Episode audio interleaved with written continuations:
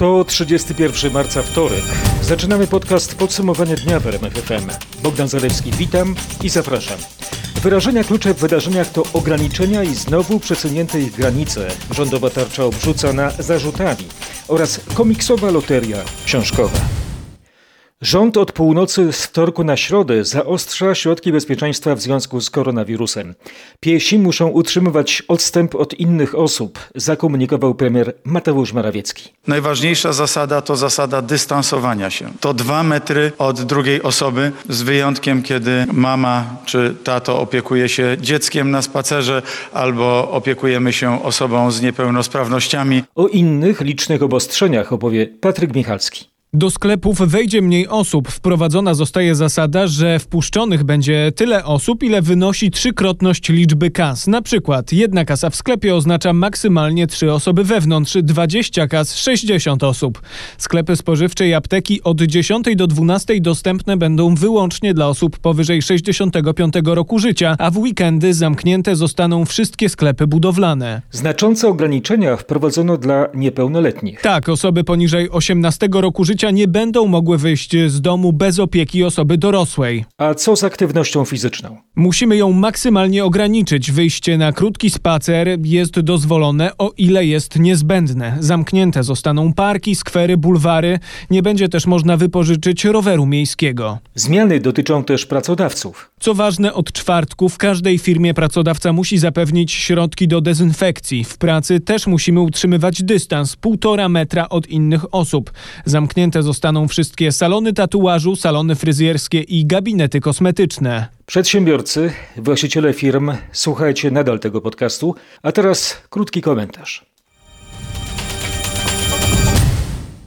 Jeżeli chcemy, żeby nasza służba zdrowia była cały czas wydolna, musimy stosować się do nowych zaleceń i ograniczeń, uważa Janusz Dzisko, szef warmińsko-mazurskiego sanepidu. Ceniąc swoje zdrowie, i zdrowie innych, a czasami życie, to warto jednak przestrzegać tych zasad, żebyśmy tą epidemię, która będzie nam na pewno rosła, spłaszczyli, czyli doprowadzili do takiej sytuacji, aby nasza służba zdrowia była wydolna w opiece nad tymi pacjentami, a szczególnie w stosunku do tak zwanych ciężkich pacjentów, którzy będą wymagali e, tak zwanych łóżek ojamowskich, a liczba ich jest niestety ograniczona i jest to problem, który dotyczy nie tylko Polski, całego świata. Z Januszem Dzisko rozmawiał nasz reporter Piotr Bułakowski. Zachęcamy do zapoznania się z naszym specjalnym multimedialnym raportem na rmf24.pl. Znajdziecie go na górze witryny. Tytuł Nowe restrykcje w związku z pandemią koronawirusa. Lista ograniczeń. Polecam bardzo czytelne infografiki. Specjalny raport na www.rmf24.pl 96 nowych przypadków zakażenia koronawirusem w Polsce. Według resortu zdrowia liczba zdiagnozowanych zachorowań na COVID-19 wzrosła do 2311. Wieczorem dowiedzieliśmy się o śmierci 37-letniego mężczyzny zakażonego koronawirusem, który przebywał w szpitalu w Warszawie. Przed e, południem podano informację o zmarłej pacjentce. Nasz reporter Krzysztof Zasada ustalił, kim była zmarła. To 70-letnia kobieta. Leczono ją w szpitalu w Tychach na Śląsku. W jej przypadku nie podano, by miała jakieś współistniejące choroby. Prawie 72 tysiące osób w całej Polsce objęte są obowiązkową kwarantanną. Tak wynika z ostatnich danych Ministerstwa Zdrowia. Policjanci stwierdzili ponad 800 przypadków złamania zasad izolacji. Ta liczba wzrosła mimo mniejszej grupy, która ma obowiązek pozostawać w odosobnieniu. Dlaczego mniej Polaków jest w kwarantannie? Minęły dwa tygodnie od kulminacji powrotów Polaków z zagranicy. Takie osoby automatycznie trafiały wtedy na domową kwarantannę, która właśnie mija. Minionej doby skontrolowano 142 tysiące osób, to o prawie 5 tysięcy mniej niż poprzednio.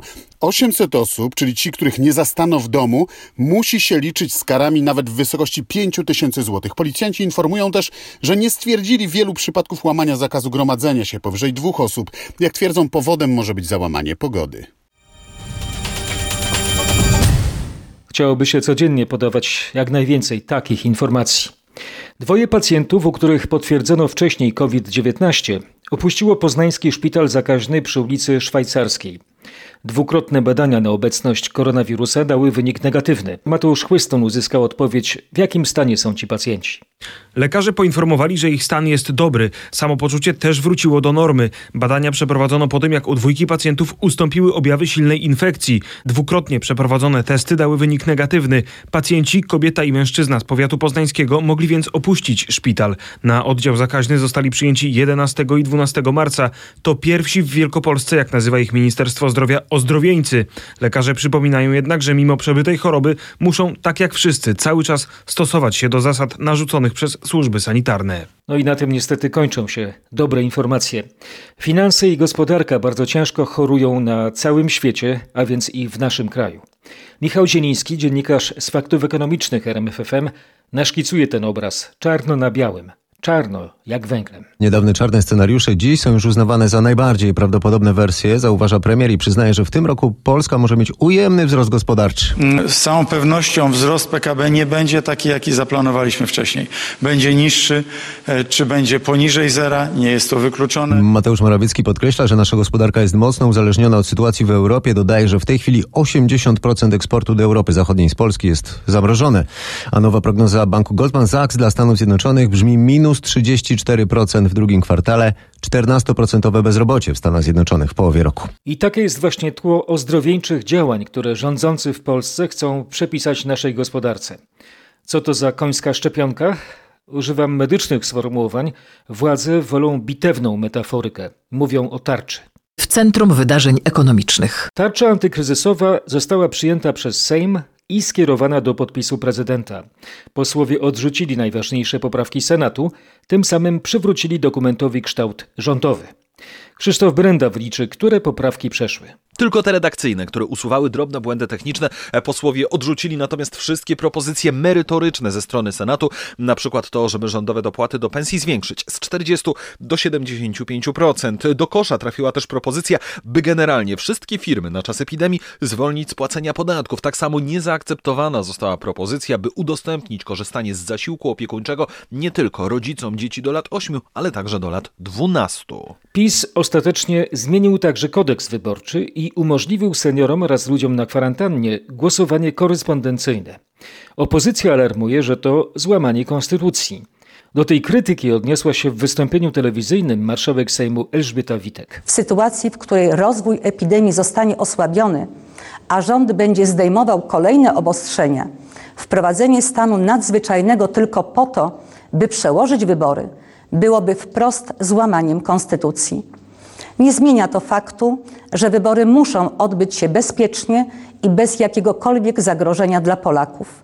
Takim sposobem jest głosowanie korespondencyjne wprowadzane obecnie w wielu miejscach na świecie, gdzie mimo pandemii odbywają się wybory. Projekt odpowiednich przepisów w tej sprawie jest już w Sejmie. Jednak, aby udało się skutecznie wprowadzić te zmiany, czasu mamy mało i niezbędna jest płynna współpraca Sejmu, Senatu i prezydenta. Jako marszałek Sejmu zapewniam o gotowości do szybkiego i sprawnego procedowania nad tym projektem. Chciałabym również zaapelować do marszałka Senatu, aby Izba Wyższa również poważnie i odpowiedzialnie podeszła do tego zadania. Apeluję o sprawne procedowanie tej ustawy w Senacie, bowiem od uchwalenia jej w Sejmie pozostanie dosłownie kilka dni, aby prezydent mógł podpisać te zmiany i by mogły one zafunkcjonować. To próba wprowadzenia w Polsce ustroju autorytarnego. Grzmiał wcześniej przewodniczący klubu Lewicy Krzysztof Gawkowski. Za wszelką cenę Jarosław Kaczyński próbuje dokonać zmian w kodeksie wyborczym, zaciągnąć nawet próbuje do tego wojsko i policję, robiąc to w sposób nieuczciwy, bo naraża tych ludzi na niebezpieczeństwo zarażenia się koronawirusem. Mamy projekt, dodaje Jan Grabiec z Platformy Obywatelskiej, ale wciąż nie znamy żadnych szczegółów. Co konkretnie nas Nie czeka? wiadomo, w jaki sposób e, obywatele mieliby te pakiety wyborcze dostać, w jaki sposób mieliby je oddać i komu, kto miałby te 20 milionów pakietów przygotować. No, ustawa pokazuje, że e, rząd jest kompletnie nieprzygotowany. Nasz dziennikarz przygotował się do zreferowania tych zmian. Pod lupą reporterów RMFFM. Posłuchajcie, co znalazło się w nowym projekcie zmian w kodeksie wyborczym umożliwiającym głosowanie korespondencyjne wszystkim, którzy wyrażą taką wolę. Na stronach internetowych Sejmu pojawił się dokument przygotowany przez posłów Prawa i Sprawiedliwości. Dokument którym posłowie zajmą się prawdopodobnie w piątek. Tomasz Skory już teraz zwrócił uwagę, co w nim jest najistotniejsze. To, że umożliwienie głosowania korespondencyjnego wszystkim obywatelom zawarte jest w osobnej, specjalnej ustawie związanej ze stanem epidemii, co ma odwrócić uwagę od tego, że faktycznie mamy do czynienia ze zmianą kodeksu wyborczego. Po niemal dwóch miesiącach od rozpoczęcia czynności wyborczych i ledwo 39 dni od samych wyborów taka zmiana jest oczywiście niedopuszczalna i jasno mówią to niemal wszyscy prawnicy. Co więcej, uzasadnienie projektu zawiera jawną nieprawdę, że ustawa nie spowoduje skutków finansowych dla budżetu, co jest niedorzecznością, kiedy sobie uprzytomnimy, że może chodzić o przygotowanie i rozesłanie, a potem oficjalny odbiór pakietów wyborczych dla ponad 30 milionów uprawnionych do głosowania. Nie wiedzieć czemu te akurat operacje miałby też przygotować minister aktywów państwowych Jacek Sasin, prawdopodobnie wybrany jako osoba szczególnie zaufana. Najbardziej niebezpieczny jest jednak artykuł 7 projektu pozwalający PKW na inne niż wymaga prawo warunki powoływania komisji wyborczych. Za tym przepisem może się kryć zamiar zmilitaryzowania wyborów i obsady komisji wyborczych przez wojsko i policję. Na razie wojsko i policja pomagają w kontrolowaniu osób objętych kwarantanną. Strzegą też granic. Jak to robią, za chwilę usłyszycie. Pozostańmy jednak jeszcze przy wyborze prezydenta. Polska myśl polityczna. Władze Gorzowa Wielkopolskiego zaczęły przygotowania do wyborów prezydenckich 10 maja. Samorządowcy tłumaczą, że wypełniają w ten sposób obowiązki, które nakłada na nich prawo. Na przykład siatka komisji obwodowych, zwłaszcza tych specjalnych, najprawdopodobniej będzie musiała ulec zmianie. No ale na razie przygotowujemy się zgodnie z kalendarzem wyborczym. Uważnie obserwujemy sytuację. Tłumaczy Marta Liberkowska z Urzędu Miasta w Gorzowie Wielkopolskim. To, czy przygotowania uda się zakończyć, władze miasta uzależniają od sytuacji epidemiologicznej. Przeciwne organizacje wyborów 10 maja są władze Zielonej Góry. My powinniśmy się zająć w tej chwili walką z koronawirusem, walką o obronę miejsc pracy. Para idzie w gwizdek pod tytułem wybory, który nikomu nie jest w tej chwili potrzebny. Z jednej strony mówimy zostań w domu, z drugiej idź na wybory. Swoje zdanie wyraził prezydent miasta Janusz Kubicki. Formalnie termin opublikowania przez samorządy informacji o numerach i granicach obwodów głosowania mija 10 kwietnia. Przeprowadzenie polskich wyborów prezydenckich we Włoszech to absurd, komentują nasi rodacy pytani przez reportera RMFFM. W poprzednich wyborach parlamentarnych w spisie widniały sygnatury 7 tysięcy osób z blisko 100-tysięcznej Polonii. Głosy można oddawać w polskich placówkach w Rzymie, Mediolanie i Palermo. Krzysztof Kod rozmawiał z Małgorzatą Banach, mieszkającą od lat w rejonie Trydentu. Oto co myśli o głosowaniu. Jak mówi, to powinna być jedna z ostatnich rzeczy, jakimi zajmują się teraz rządzący. We Włoszech w maju miały się odbyć wybory samorządowe i natychmiast je odłożono, uznając, że są ważniejsze problemy w kraju. To było czymś oczywistym, mówi Małgorzata. Dziwi się, że w ogóle jeszcze w Polsce ktoś mówi o wyborach. Ja uważam, że się traci czas na rozmowę o wyborach, wtedy kiedy są inne tematy bardzo poważne, które są związane ze zdrowiem obywateli. Sama na wybory się nie wybiera, zresztą niby jak 200 kilometrów do Mediolanu. Chyba by mnie wyśmiano, gdybym powiedziała, że ja tutaj 200 parę kilometrów chcę jechać na wybory, narażając siebie i nie wiem, pokonywać wszystkie te obostrzenia, które mamy. To absurd zakrawający na kpinę, komentuje Małgorzata. To był głos z Włoch. Za chwilę usłyszycie korespondencję naszych zagranicznych dziennikarzy z Brukseli, Londynu i Paryża. Ale wcześniej historia mrożąca krew w żyłach z województwa śląskiego. Prokuratura i policja wyjaśniają okoliczności tragedii, do której doszło we wtorek rano w Orzeszu. Nie żyje dziewięcioletnia dziewczynka i jej ojciec, a matka z wieloma ranami zadanymi ostrym narzędziem trafiła do szpitala. Anna Kropaczek poinformowała nas o tym przerażającym zdarzeniu. Ojciec dziewczynki, podobnie jak matka, miał liczne rany kłute w okolicy serca. Dziewięciolatka natomiast nie miała żadnych widocznych obrażeń. Do tragedii doszło rano. Służby otrzymały informację o pożarze w domu jednorodzinnym. Paliła się kuchnia na poddaszu. Podczas akcji gaśniczej strażacy znaleźli w środku ciało mężczyzny i dziewczynkę. Mimo reanimacji dziewięciolatki nie udało się uratować. Sprawę wyjaśnia prokuratura rejonowa w Mikołowie. To dzieje się obok ciebie. Wojsko odgrywa nową, specyficzną rolę w naszym kraju. Tak jest innymi w Bochni. W tej małopolskiej miejscowości organizowane są tak zwane patrole mieszane. Jak wygląda ta współpraca? Policjantów wspierają również żołnierze, którzy codziennie przyjeżdżają do Komendy Powiatowej Policji w Bochni i tam wraz z policjantami dyslokowani są w teren w celu kontroli osób przebywających w kwarantannie. Tłumaczy Łukasz Ostręga z Komendy Powiatowej Policji w Bochni. Żołnierze od dwóch tygodni non-stop patrolują polsko-niemiecką granicę na wyspie Uznam. Pomagają Straży Granicznej w pilnowaniu, aby nikt do Polski nie dostał się nielegalnie. A takie osoby się zdarzają. Wojskowi zatrzymali ostatnio pięć osób, które nielegalnie przechodziły przez Zielony Las. Tak więc nasi mundurowi nie próżnują. Praca przede wszystkim polega na obserwacji i patrolowaniu tych zielonych odcinków granicy. Tutaj jesteśmy przy przejściu takim pieszym i rowerowym. Ono oczywiście jest zamknięte i 24 godziny na dobę są tutaj żołnierze 8 pułku, którzy zapobiegają temu, aby ludzie swobodnie przechodzili. Oficjalne przejście graniczne jest y, niedaleko stąd, to jest przejście Świnoujście-Garc, ale jeżeli by tego posterunku tutaj nie było, to ktoś mógłby wpaść na pomysł, żeby granicę przekroczyć nielegalnie. I dlatego jesteśmy tutaj my, żołnierze, aby tą granicę uszczelniać. Opowiadał o swojej pracy naszej reporterce Anecie Łuczkowskiej major Marcel Podchorodecki z 12 Dywizji Zmechanizowanej ze Szczecina. Żołnierze patrolują granicę 24 godziny na dobę i bez względu na aurę. Przekraczamy granicę w podcaście legalnie. Najpierw miasto w Belgii, gdzie zapadają najważniejsze unijne decyzje. Fakty z Brukseli. Komisja Europejska będzie oceniać wszystkie środki nadzwyczajne podejmowane przez kraje członkowskie wspólnoty, a więc także przez Polskę w związku z koronawirusem.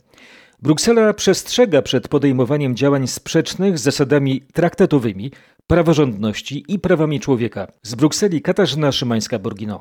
W swoich komunikatach na ten temat Komisja Europejska wystrzega się wskazywania palcem konkretnych krajów, ale wszyscy wiedzą, że chodzi głównie o przyjętą na Węgrzech ustawę o stanie zagrożenia, która nadała szerokie uprawnienia premierowi Viktorowi Orbanowi. Komentatorzy zwracają także uwagę na to, że w Polsce nie odwołano jeszcze wyborów prezydenckich, mimo że kampania wyborcza nie może się odbywać w normalnych warunkach. W specjalnym oświadczeniu szefowa Komisji Europejskiej Ursula von der Leyen podkreśla, że wszelkie środki nadzwyczajne muszą być ograniczone do tego, co jest konieczne i muszą być ściśle proporcjonalne, nie mogą trwać w nieskończoność. Ponadto rządy muszą upewnić się, czy takie środki podlegają regularnej kontroli. I jeszcze jedna ważna wiadomość, którą nasza brukselska korespondentka Katarzyna Szymańska-Borginą przekazała we wtorek ostatniego dnia marca. Europejska Federacja Związków Zawodowych do spraw żywności, rolnictwa i turystyki alarmuje w sprawie fatalnej sytuacji emigrantów rolnych. Katarzyna od kilku dni zwracała uwagę, że polscy pracownicy w Holandii, mimo szalejącej pandemii, często mieszkają po kilka, kilkanaście osób w domkach kempingowych i nie są odpowiednio zabezpieczani przed koronawirusem. Federacja Związków Zawodowych wystosowała list w tej sprawie do szefowej Komisji Europejskiej Ursuli von der Leyen i komisarza do spraw rolnictwa Janusza Wojciechowskiego. W swoim liście Federacja Związków Zawodowych alarmuje, że w niektórych regionach Europy tysiące pracowników migrujących mieszka w opłakanych warunkach. Nie są tam przestrzegane środki bezpieczeństwa wprowadzane w związku z koronawirusem. W sektorze przetwórstwa spożywczego wiele firm nie wdrożyło środków zapobiegawczych. Organizacja zwraca uwagę na niedobory siły roboczej. Zbiory wielu plonów są zagrożone od zbioru truskawek w Hiszpanii po zbiór szparagów we Flandrii. Organizacja apeluje do Unii o godne i bezpieczne warunki zakwaterowania dla pracowników tymczasowych. Jej zdaniem Unia powinna wydać rekomendacje w sprawie ochrony zdrowia pracowników rolnych i przetwórstwa rolnego. Wtorkową wiadomością numer jeden w Polsce, a w każdym razie jedną z najważniejszych, są zaostrzone reguły zachowania w związku z pandemią. Dla porównania posłuchajcie raportu z innych krajów. Pandemia zmienia świat. Sprawdź fakty RMFFM. Nadzwyczajne środki bezpieczeństwa wprowadził francuski rząd, aby chronić transporty chińskich maseczek szpitalnych. Eskortują je szturmowe oddziały policji, żandarmeria i wojsko. Dlaczego? Na to pytanie odpowie Marek Gładysz, nasz korespondent w Paryżu. We Francji ciągle tak bardzo brakuje maseczek ochronnych, że stały się one towarem prawie na wagę złota. W internecie maski typu FFP2, czyli najbardziej skuteczne przeciwko koronawirusowi, sprzedawane są czasami w cenie 30 euro za sztukę. Francuski rząd obawia się więc gangsterskich napadów na ciężarówki transportujące miliony takich maseczek, które mogłyby zostać sprzedane na niektórych portalach aukcyjnych za kilkaset milionów euro spod paryskiego lotniska w Watry, gdzie codziennie lądują samoloty transportowe z Chin do magazynów, których adresy utrzymywane są w tajemnicy. Ciężarówki eskortowane są za każdym razem przez ponad 100 żandarmów i żołnierzy. Szturmowe oddziały policji chronią lotnisko. A teraz posłuchajmy, co się dzieje po drugiej stronie kanału La Manche, English Channel. Wielka Brytania zaostrzyła warunki kwarantanny 8 dni temu. Brytyjczycy mają obowiązek pozostawać w domach, ale jeśli to konieczne, mogą chodzić do pracy, robić niezbędne zakupy i raz dziennie wychodzić na spacer. Nasz dziennikarz Bogdan Fermorgan odmaluje krajobraz swojej dzielnicy w południowo-wschodnim Londynie. Zaledwie kilka dni temu w niektórych kawiarniach sprzedawano na wynos e, kawy, herbaty czy ciastka. Podobnie funkcjonowały restauracje, ale teraz rozglądając się widzę, że wszystkie mają opuszczone rolety. E, jedynie w małym, niewielkim sklepiku spożywczym e, nieduża kolejka, może cztery osoby. Ludzie, przynajmniej ci, którzy nie mają na twarzach masek, a te nie są aż tak powszechne, uśmiechają się do siebie. Zdarza się, że przechodzą na drugą stronę ulicy, ale zawsze e, z porozumiewawczym mrugnięciem oka. Londyn funkcjonuje niepełną parą, ale też nie jest kompletnie zamrożony po wprowadzeniu ostatnich obostrzeń. Wróćmy do tematu tarczy antykryzysowej. Kontekst tej rządowej pomocy w Polsce to tragiczna sytuacja tysięcy naszych firm, także tych największych. Zaczynają się masowe zwolnienia. RMFFM o kryzysie gospodarczym. Krzysztof Brenda rozmawiał z jednym z największych naszych krajowych przedsiębiorców. Tak, rozmawiałem z Dariuszem Formelą, prezesem wielkiej polskiej firmy meblarskiej Black Red White. Wiele jego sklepów w kraju jest zamkniętych, do tego przerwany został handel zagraniczny, a pamiętajmy, że branża meblarska głównie wysyła swoje produkty na eksport. Nasi partnerzy zachodni wskazują, iż no, nie powinniśmy liczyć na to, że dadzą nam nowe zlecenie i plany produkcyjne w miesiącu kwietniu. Czyli biznes nie funkcjonuje. Black Red White zatrudnia około 7,5 tysiąca pracowników. Jeszcze. Wiele polskich restauracji, kawiarni i barów nie przetrwa kryzysu, który się zaczął. Krzysztof rozmawiał z warszawskimi restauratorami. Jaka jest ich obecna sytuacja? Rozmawiałem z Tomaszem Czudowskim, który w dwóch restauracjach i cukierni zatrudnia około 50 osób. On skrzyknął ponad setkę innych przedsiębiorców z tej branży zatrudniających 5 tysięcy osób i głośno krzyczy do rządu o pomoc. Apeluje o zwolnienie z danin publicznych, o uruchomienie nieoprocentowanych kredytów dla firm, o większe dopłaty do pensji załogi. Dodaje, że restauracje już zwalniają ludzi. Pracujemy tak jak rodzina, w związku z tym ciężko jest nam się rozstawać z tymi ludźmi, a z drugiej strony nie mamy żadnej gwarancji jeszcze niestety w tej chwili ze strony państwa państwa co do tego, w jaki sposób nam pomogą. Są miejsca, które wiemy, że już się y, zamykają. Od kilku tygodni restauracje nie mogą przyjmować gości, mogą realizować zamówienia na wynos, ale to tylko 10-15% obrotu. Krzysztof, jakie firmy są w najgorszej sytuacji? Kto straci najwięcej? Niestety najsłabsi, na przykład studenci. Rozmawiałem z Bertrandem Jasińskim, który ma kilka restauracji, ale także salę zabaw. Jest zaangażowany w klub siatkarski. To wszystko leży. Zwolnienia już się zaczęły. My te cięcia prowadzimy już od ponad dwóch tygodni. Część naszych biznesów była oparta na zatrudnianiu studentów, którzy pracowali w oparciu o umowy zlecenia, realizując określoną pracę godzinową. Na przykład w barach czy salach zabaw dla dzieci one są zamknięte, więc ludzie potracili zatrudnienie. Mój rozmówca apeluje do polityków, by na przykład pomocy państwa nie uzależniali od liczby pracowników w firmie, by to rozszerzyli, bo jak firmy padną, to nie będzie komu zatrudniać ludzi. Tarcza antykryzysowa, która ma poprawić tragiczny stan, w jakim znalazły się polskie firmy, stała się, jak to zwykle bywa w demokracji, elementem gry politycznej. W Sejmie rządowy projekt odrzucający senackie poprawki był krytykowany w bardzo mocnych słowach przez opozycję. Na przykład przez prezesa PSL Władysława Kosiniaka-Kamysza. Komu ta tarcza ma służyć? Czy ona ma być tylko na papierze, ma być symbolem, że rząd coś próbuje zrobić? Tylko te próby są nieudolne. Oderwali się od rzeczywistości. Dla nich ważne są opinie instytutów ekonomicznych, jak mówił premier Morawiecki. A dzisiaj najlepszym ekspertem jest pracownik i pracodawca który martwi się o to, co z tego będzie. Nie ogarnęli się. Nie ogarnęli się w tym, do czego są powołani. Wygrali wybory, ale nie potrafią rządzić w czasie kryzysu. Są po prostu nieudacznikami dzisiaj, bo nie słuchają kompetentnych ekspertów, pracowników i pracodawców. I nie chcą solidarności. W podobnym solidarnym z polskimi biznesmenami tonie, co jego szef, mówił Jan Filip Libicki, senator Polskiego Stronnictwa Ludowego w porannej rozmowie Roberta Mazurka w RMFFM. Jeżeli nie uratujemy polskich firm, to czeka nas absolutny Armagedon, alarmował ludowiec. Robert, testując intencje polityka, zapytał o głosowanie sprzed lat. Panie senatorze, czy y, y, Władysław Kosiniak-Kamysz rozmawiał z panem o, y, o pańskich poprawkach z 2014 roku. Pamięta pan taką sytuację? Było o emerytów? Tak, bo wtedy taka sytuacja, to powiedzmy naszym słuchaczom, y, była poprawka darmowe leki dla najbiedniejszych emerytów. Najbiedniejszych, czyli takich, do, którzy dostawali, proszę państwa, do 850 zł miesięcznie, byli tacy e, i mieli powyżej 75 lat. Dla tych najstarszych i najbiedniejszych to było 100 tysięcy osób. Im zaproponowano darmowe leki.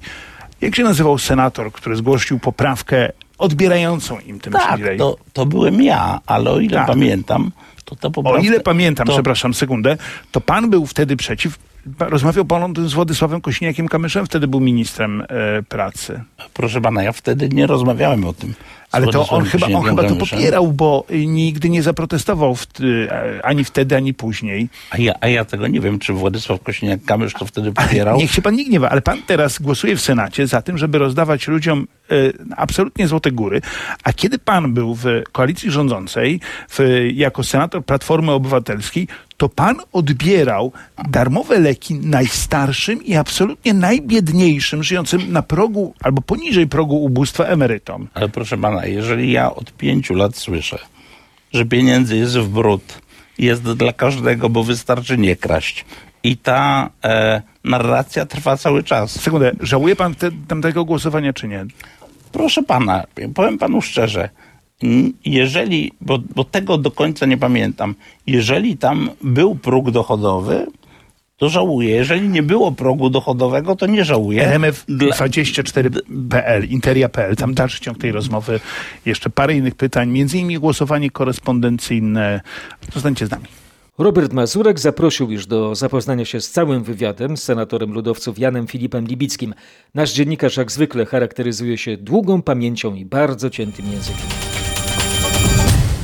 Sportowi działacze cały czas zastanawiają się, w jaki sposób dokończyć rozgrywki.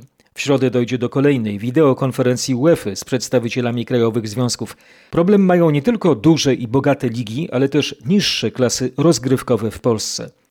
Wojciech Marczyk przedstawi pomysły na dokończenie sezonu właśnie w tych niższych ligach. W kilku regionach, w tym m.in. w Śląskiem, pojawiają się plany, by rozgrywek od czwartej ligi w dół nie wznawiać. To rozwiązanie popiera wielu prezesów klubów. Problemem w niższych ligach może być rozgrywanie spotkań co trzy dni, ponieważ piłkarze grający w tych zespołach nie są profesjonalistami. Wszyscy prezesi zgodnie jednak zaznaczają, że decyzje w każdym z regionów muszą być takie same. Myślę, że będziemy konsultowali to też wewnętrznie z innymi prezesami i jedno w całej Polsce równe decyzje zostały podjęte. Mówił Paweł Wojtala, prezes Wielkopolskiego Związku Piłki Nożnej. Każdy z prezesów czeka też na decyzje PZPN-u dotyczące wyższych lig. A teraz piłka nożna i włoski but. Jak ze względu na kształt Półwyspu Apenińskiego określa się Italię. Patryk Serwański.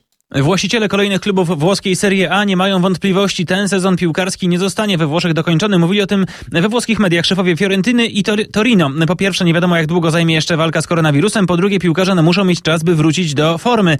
Corriere dello Sport donosi, że 8 drużyn chce obecnie zakończenia sezonu, 10 chce do powrotu do gry. Na razie sezon, sezon we Włoszech wstrzymany jest do 3 kwietnia, ale oczywiście no, nic nie wskazuje na to, by piłkarze mogli wrócić do gry w najbliższym czasie. Do basenów chcą za to wrócić pływacy, którzy w czasie epidemii mają bardzo ograniczone możliwości treningu.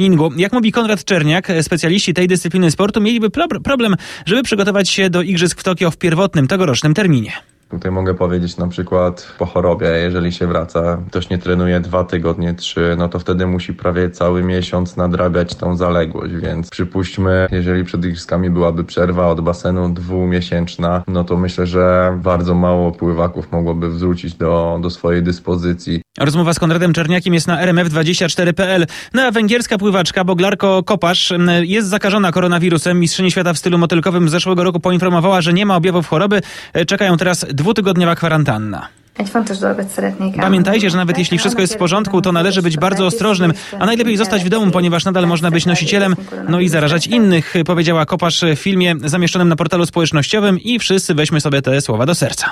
Kulturalne wrażenia w faktach RMFFM. Teatr imienia Juliusza Słowackiego w Krakowie startuje z nowym cyklem Zamknięci w teatrze. Będzie to spektakl serial publikowany w internecie, a zagrają w nim prawie wszyscy aktorzy teatru. Zamknięci w teatrze to nowy serial teatru słowackiego. Powstaje z potrzeby wspólnego działania. Mm, Nie, nie, nie, myślenia tylko o tym, co, co na zewnątrz. Robienia teatru, kiedy teatr jest e, zamknięty. Robienia czegoś kreatywnego. Pracujemy, pracujemy zdalnie, nagrywamy się sami komórkami i będziemy to wrzucać do internetu. Robimy coś, co, co mogłoby połączyć jakieś wczesne myślenie o filmie Larsa von Trier'a z poszukiwaniami Lyncha czy z Blair Witch Project. Ogólne założenie jest takie, że wszyscy zostaliśmy zamknięci w teatrze, każdy w osobnym pomieszczeniu i, i, ta, i tam nagrywamy takie krótkie wideodzienniki z czasu izolacji. No, czyli ro, ro, robimy pewnego rodzaju horror w teatrze, bawimy się, się tym miejscem, jego historią, ale też samymi sobą, ożywiamy duchy teatru. Gra w tym niemal cały zespół teatru. Paweł Panarski odpowiada za zdjęcia i montaż, a Mateusz Bierec za muzykę. Ja to jakoś piszę i próbuję zbierać w całość. Premiera pierwszego odcinka 4 kwietnia o godzinie 20. Kolejne odcinki w następne środy i soboty. Opowiadał o tym niecodziennym przedsięwzięciu w dobie koronawirusa reżyser Jakub Roszkowski. Loteria to słynne opowiadanie z końca lat 40. Jego autorka stała się wielką inspiracją dla Stephena Kinga, a wnuk pisarki postanowił teraz zilustrować jej głośną i kontrowersyjną prozę. W Polsce właśnie ukazał się komiks jego autorstwa. Czytała go i oglądała nasza dziennikarka Katarzyna Sobiechowska-Szuchta. Małe, idylliczne miasteczko, w którym wszyscy znają się po imieniu. To tam toczy się akcja loterii. Właśnie ukazał się komiks na podstawie słynnego opowiadania grozy z 1948 roku. Autorką jest Shirley Jackson, która była wielką inspiracją m.in. dla Stephena Kinga, a całość zilustrował jej wnuk, Miles Hyman. Rozmawiałam o tej książce z jej wydawcą Szymonem Holzmanem. Miles żył z opowiadaniami swojej babki od najmłodszych lat i od wielu też lat za tą próbę adaptacji loterii opowiadania się zabierał. Natomiast y, zawsze gdzieś wydawało mu się bardzo trudne do zaadaptowania, bo jest ono dość krótkie, niezwykle przemyślane, każde słowo jest tam na miejscu i przez lata y, jako ilustrator próbował znaleźć odpowiedni klucz do tego, jak ten tekst przenieść w inne medium. I dopiero parę lat temu wpadł na pomysł, jak w komiksie oddać wszystkie sensy, oddać też precyzję tego tekstu Shirley Jackson i jak stworzyć e, dzieło autonomiczne, a jednocześnie będące właśnie adaptacją tekstu literackiego. W ten sposób powstała loteria, która zawierza obrazowi, a nie słowom. E, I to był ten klucz, to był ten wytrych. Hyman postanowił pokazać to, o czym jego babka napisała a że jest wybitnym ilustratorem, rysownikiem i komiksiarzem, to ta warstwa graficzna loterii robi niesamowite wrażenie, budzi niepokój. Niepokój, który się czai w tym, co właśnie jego babka wprowadziła do literatury, a za to tak bardzo cenił ją i ceni Stephen King, którego, dla którego jest inspiracją. Czyli groza, która czai się w zwyczajnych rzeczach. Tytułowa loteria to taki zwyczaj, który bohaterowie tego komiksu, mieszkańcy małego miasteczka, 300 osób zaledwie w nim mieszka, kultywują co roku. Zwyczaj, gdzie zbierają się właśnie raz do roku w czerwcu na głównym placu, wrzucają do skrzynki, drewnianej skrzynki, której historia jest dłuższa niż życia wszystkich mieszkańców tego miasteczka. E, wrzucają e, do tej skrzynki kartki ze swoimi imionami, nazwiskami i następuje losowanie. Nie będę zdradzał, e, jak się ono kończy, natomiast budzi w mieszkańcach miasteczka od lat wielkie poruszenie ta loteria. Powieść graficzna ukazała się nakładem wydawnictwa Marginesy. Loteria to słowo ma dzisiaj dodatkowe znaczenie. Oby jak najmniej takiej losowej gry, hazardu w naszym życiu. Tego sobie i Wam życzę. Dziękuję za uwagę. Bogdan Zalewski.